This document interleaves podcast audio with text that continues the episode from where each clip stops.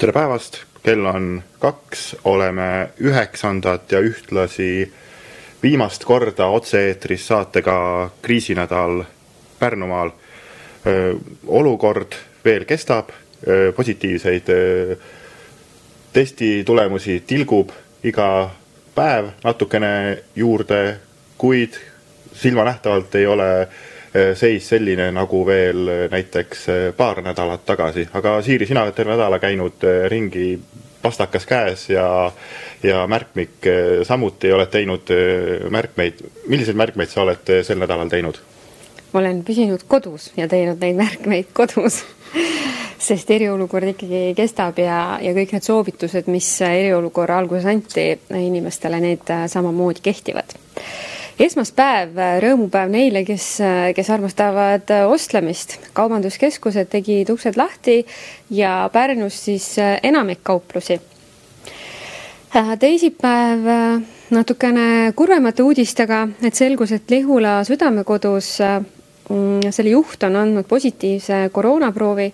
ta tunnistas seda ka avalikult ja langes äh, seetõttu siis äh, kogukonna pahameele alla. Äh, kolmapäeval avaldasime oma paberlehe juht, kirjas sellise seisukoha, et kuigi meil on tõesti tarvis teada infot ja tarvis teada, kus ja, ja kui, kui tempokalt see viirus levib, selleks, et ennast kaitsta ja ja, ja mitte siis kokku puutuda nende inimestega, kes, kes nakatunud on siis tagaselja kuulujuttude rääkimine ja sellise valeinfo levitamine ei tule nagu mitte kellelegi kasuks. et tõstatasime sellise probleemi ja kutsusime üles inimesi rohkem hoolima ka nendest, kellel on positiivne äh, koroonaproov antud. Äh, neljapäeval mm, läks edasi äh, Lihula Südamekodu teema ja selgus, et siis laiema testimise käigus tuli välja kolm eakat naist, kes, kes on samuti positiivse proovi andnud. ja natukene tõsisemat äh, teemat äh, rääkisime ka Töötukassa siinse juhiga Kerli Metsaga, kes tõi välja, et kolmsada inimest on kriisi algusest äh, saadik Pärnumaal ennast töötuna arvele võtnud. Ja ta ei saanud väga palju positiivset rääkida, sellepärast et on väga suur tõenäosus, et sügiseks kasvab koondatute ja sissetulekuta jäänud inimeste arv veelgi siiski koolilõpetajate poolest äh, enamik neist äh, otsustas mitte minna kergema vastupanu teed, ehk siis seoses eriolukorraga ja distantsõppega andis valitsus riigieksamite tegemise vabaks. aga enamik Pärnumaa koolilõpetajatest siiski teeb need riigieksamid, mõeldes siis oma tulevikule. reede ehk siis täna, täna öösel on meie ajakirjanikud ka tööd teinud, käinud piiril, kus siis äh, lõppes äh, piirikontroll.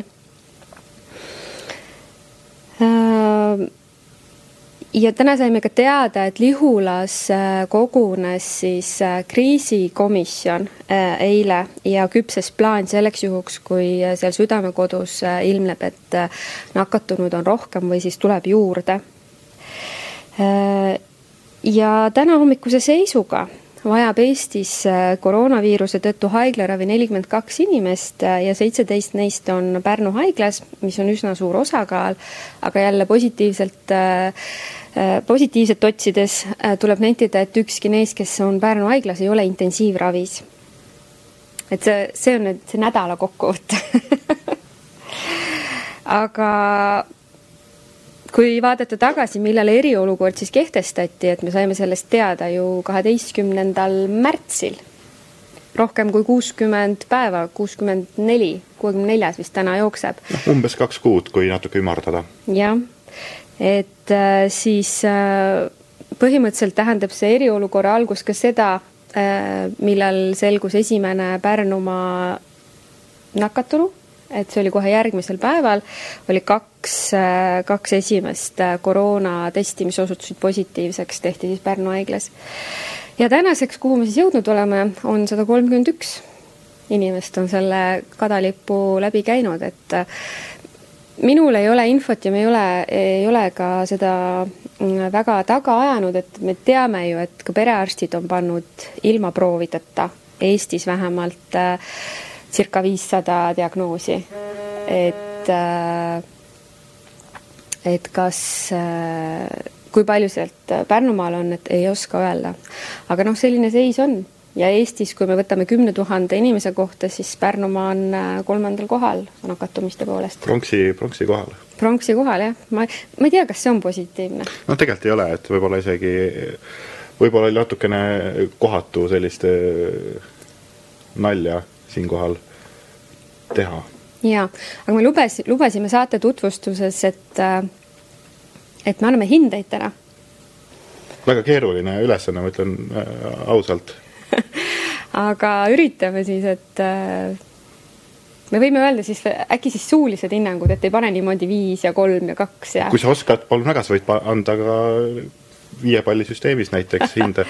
samas meil ei ole ju skaalat, mille järgi seda tegelikult hinnata, see olukord on äh, ju esmakordne. me ei saa võrrelda kellegi teisega näiteks praeguste äh, asjapulkade hakkamasaamist näiteks, äh, näiteks mõne eelmise valitsusega, me võime näiteks seda, me võime seda ainult oletada et väga keeruline on anda, minu arust on väga keeruline anda hinnangut. aga kui me lähtume näiteks sellest, et sel nädalal äh, ju Rahvusringhäälingus näiteks äh, oli näha seda, kuidas äh, on toimetatud Tallinna ühes suures haiglas ja mida sealsed arstid nagu mõtlesid, milleks nad valmis olid, siis seda on lisaks sellele Rahvusringhäälingus kajastatud väiksele minidokile on ju ka öelnud teadlased laiemalt välja ja ka valitsuse liikmed, et tegelikult me olime hullemaks valmis et ma just, kuhu ma selle jutuga tahan jõuda, et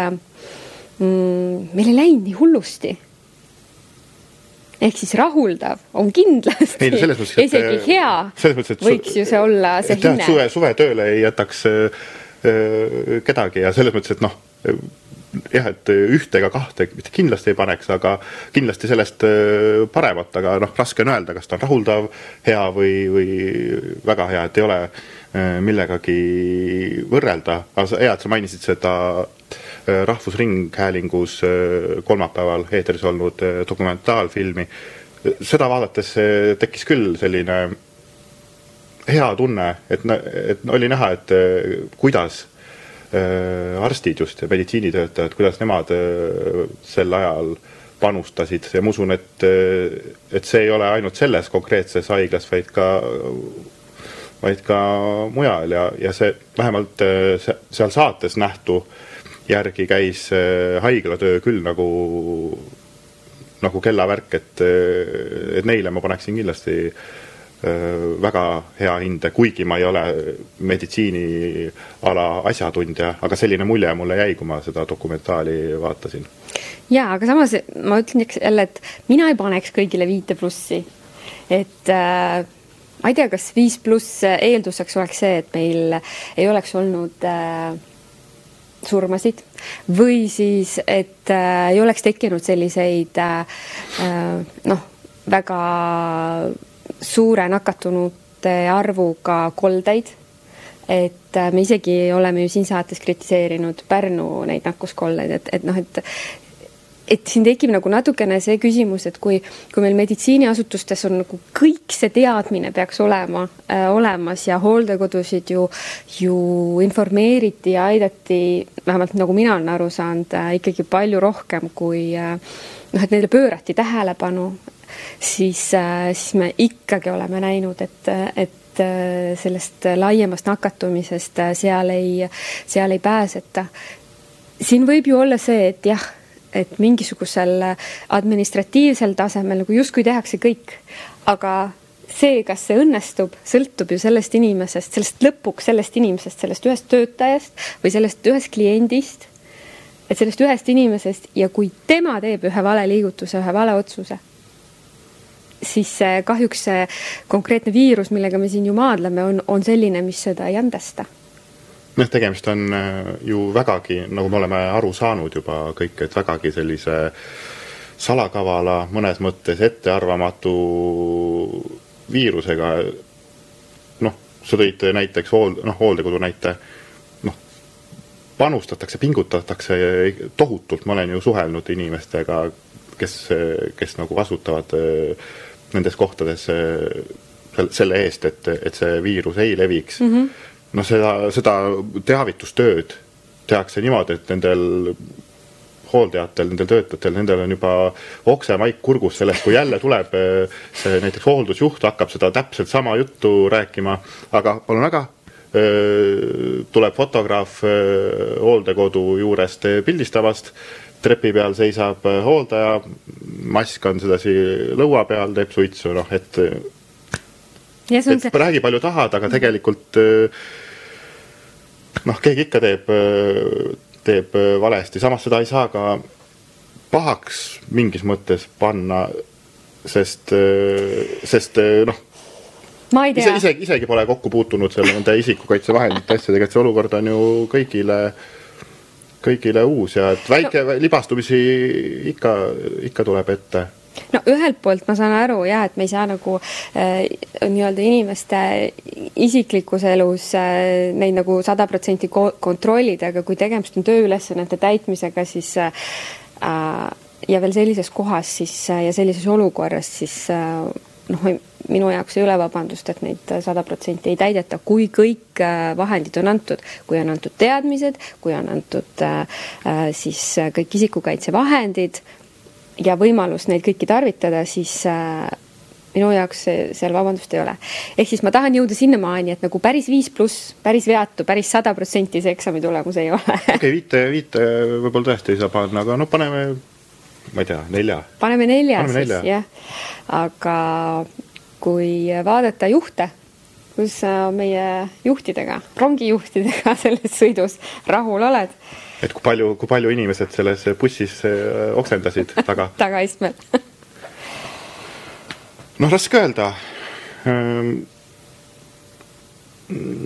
noh, kui pressikonverentsil äh, minister ei saa endale maski pähe, et see on seal näiteks silmade ees või kui minister äh, hakkab rääkima ja siis äh, järsku teatab, et ah, ma ei suuda ja viskab selle maski näiteks äh, pressikonverentsi ajal eest ära, samal ajal kui noh, valitsuse tasandil ju ikkagi soovitati, et, et noh, selle viiruse leviku tõk-, tõkestamise maksimeerimiseks siis, et noh, oleks äh, mõistlik äh, kanda maski, kui võimalik. et selline nagu sellised eeskujud noh, ei, minu arust ei ole päris sobivad. Aga jällegi, nagu ma enne mainisin, ei ole nagu võr-, võrdlusmomenti, et noh, kahte ju kindlasti ei paneks hindeks. ei mina olen selles mõttes nõus, et äh, otsused, eriolukorra kehtestamine ja see esialgne just nagu otsuste poole pealt äh, tundus nagu kõik väga kohane. kõik said aru sellest äh, olukorra tõsidusest. Millega ma olen nõus, et seda eeskuju on justkui nagu vähe olnud ja ma ei tea, kas need peaksidki olema ministrid, kes, kes seda nii-öelda äh, noh, neid sotsiaalseid norme aitavad kehtestada, et, et äh, nendeks on ju meil igasuguseid äh, mõjuisikuid. et ma, ma julgen praegu tuua, kes mul esimesena nagu pähe kargab, on Marek Strandberg, kes nagu noh, tegelikult tal ju ei olnud mingit funktsiooni, ta ju ei ole ei Terviseametis, ei valitsuse liige, aga ta võttis nagu enda asjaks noh näidata ja teha ja olla see mingisugune siis noh, mõjuisik, influencer on ju. siis mul tulevad meelde näitlejad ja, ja noh, kes kõik tegid selliseid noh, küll südamlikke pöördumisi, et olge kodus ja, ja tervitasid neid eesliinitöötajaid, eelkõige arste. Aga ma ei tea, kuidagi nagu puudu jäi sellest, et ja ma, ja kui ma mõtlen nagu Pärnu ja Pärnumaa tasemele, siis selliseid äh, eeskujusid ja sellise positiivse enda käitumisega mõjutajaid ju põhimõtteliselt äh, esile ei kerkinud, et meil olid nagu need käskijad ja otsustajad. aga see ei ole sellistes olukordades, kus me ootame inimeste nagu käitumise muutumist, võib-olla piisav jah, loodetavasti sellist öö, äh, olukorda noh, vähemalt lähiajal ei tule rohkem, aga võib-olla see on üks asi, mida võiks äh, Ähm, edaspidiseks õppida, et seda kuidagi kommunikeerida, kuidagi otsidagi neid äh, minu jaoks on see strateegilise kommunikatsiooni osa, et sa pead nagu, ja sa pead formaalsel tasemel nagu kõike seda infot ja otsuseid vahendama, aga, aga noh, sa pead ka mõtlema sellele, et noh, et kes see lõpuks on siis, kes see, kes see kõneisik on, et alati see ei pea olema see konkreetne juht, ei pea olema linnapea, ei pea olema Jüri Ratas, et võib olla ka teatud teemade puhul niisugune noh, ühiskonnas nagu äh, lihtsalt inimene, kes on eeskujuks, keda kuulatakse. just, just. tunneli lõpus inimeste jaoks ikkagi, me oleme seda nime siin korduvalt nimetanud, kindlasti hakkas tunneli lõpus valgus paistma vähemalt natukenegi siis, kui kui bussirooli lubati D-kategooria juhtimisõigusega inimene antud kontekstis siis ehk siis härra Popov kindlasti. inimesed said kindla signaali, et, et räägib inimene, kes kes päriselt teab ka selle, mida ta räägib? jaa, Popov on siin hea näide, aga ma ütlengi, et ta läheb, liigitub ikkagi sinna ekspertide ja. juurde, et, et see, see inimene meie keskelt, kes nagu ütleks, et kuidas asjad on. aga võib-olla üks küsimus lõpetuseks veel, et äh, kas sa arvad, et nüüd on siis läbi? Noh, ma arvan, et kui sa küsiksid seda Jüri Ratase käest, ega siis ka päris äh, täpselt seda ju ei teaks, ma arvan, et ta ei teaks, noh. aga mis Lauri Abakukk ütleb? raske öelda, noh palju räägitakse sellest sügisesest lainest, et mis siis, mis siis saama hakkab aga mis sa arvad, kas inimesed äh, on kuidagi teistmoodi hakanud, äh, kas nad suudavad nüüd edaspidi minna eluga edasi natukene teistmoodi, sest noh, ohumärgid on ju ikkagi mm. õhus ja, ja hoolimata sellest, et eriolukord nüüd peagi lõpeb ära, see ei tähenda seda, et, et tegelikult, et võiks päris äh, lõdvaks ennast lasta, mulle on üleüldse tundunud, et liiga palju äh, liiga palju mõeldakse selle fraasi või selle sõna eriolukord peale, et äh, siis, kui tuli teemaks see, et kas äh, esimesest maist seda pikendatakse või mitte, äh, siis need, kes kes tundsid kurbust selle üle, et eriolukord edasi kestab, jäi mulje, et paljudele on jäänud, sellistele inimestele jäänud mulje, et et kui eriolukord lõpeb, siis, siis on nagu kogu see, ongi kogu selline, see olukord on lõppenud, tegelikult on ju tegemist lihtsalt noh, juriidilise terminiga. jaa, noh, mina ka tunnetan seda, et tegelikult väga oodatakse seda, et see lõpeb. siin ju korraldatakse ühislaulmist ja noh, sellist nagu väga positiivset, positiivset sellist äh, aktsioone, samamoodi piirikontroll lõppes ju sellega, et inimestele, inimese viimasele kontrollitule anti kingitus ja, ja söödi piiril torti ja noh, ma saan aru sellest vajadusest tähistada. aga ja mis, mis ei ole sugugi ei ole halb, et mingid väiksed sellised äh, tähistamised, äh, need on kindlasti kasuks inimestele, aga aga valvsust ära ei tohiks äh, täielikult kaotada ja käitu inimese, inimeste endi äh, käitumisest tegelikult algab kõik, mida noh, kõik on seda rõhutanud mm, -hmm. alates peaministrist, lõpetades noh, kellega iganes. siin võib olla nagu see kahtepidi käitumine, et, et kas me siis tõesti laseme lõdvaks ja laeme oma akusid ja teeme, käime nii palju külas ja, ja noh, et, et nagu laeme sellel suvel oma akud täis selleks, et olla siis sügisel ära kannatada uuesti see või me nagu natukene ka ikka suvel oleme mõistlikud ja läheme sügisele vastu selliste uute harjumustega, et äkki seda uut lainet ei tule nii suurt. tegelikult see kõik algab ju äh, pisiasjadest, tegelikult äh,. ära tatista maha, ära roni külje alla. Näiteks, noh, hiljuti mul siiamaani meeles, kui tulin just äh, Selverist välja. Äh, mees-naine tulevad vastu, nad on juba seal selles äh, vahekäigus. Ja siis äh, meesterahvas, ta veel peab tegema kaks sammu tagasi, pistab pea sealt selle kokku lahti käiva ukse vahelt välja. Ja siis lihtsalt mingi kolm-neli-viis korda lihtsalt tatistab maha, et saab, et poodi edasi minna. Aga võib-olla sellised inimesed sellises olukorras võiksid mõelda, et äkki jätaks tatistamata, neelaks selle tati alla ma arvan, et see ei ole hea soovitus, millega lõpetada, et võib-olla siis lõpetab selle soovitusega, et et rõõmustage, aga ärge tatistage maha. jah, peske käsi ja, ja hoidke distantsi. ikka ja, veel, kui eriolukorda pole. ja püsime kõik terved ja kuidas, kas me peame, peaksime kuidagi eriliselt selle lööme kokku, kokku, lööme kokku, lööme kokku, tähistame üheksa saatelise seeria lõppu ja soovime Olge teile terved. kõigile, et te oleksite terved. terviseks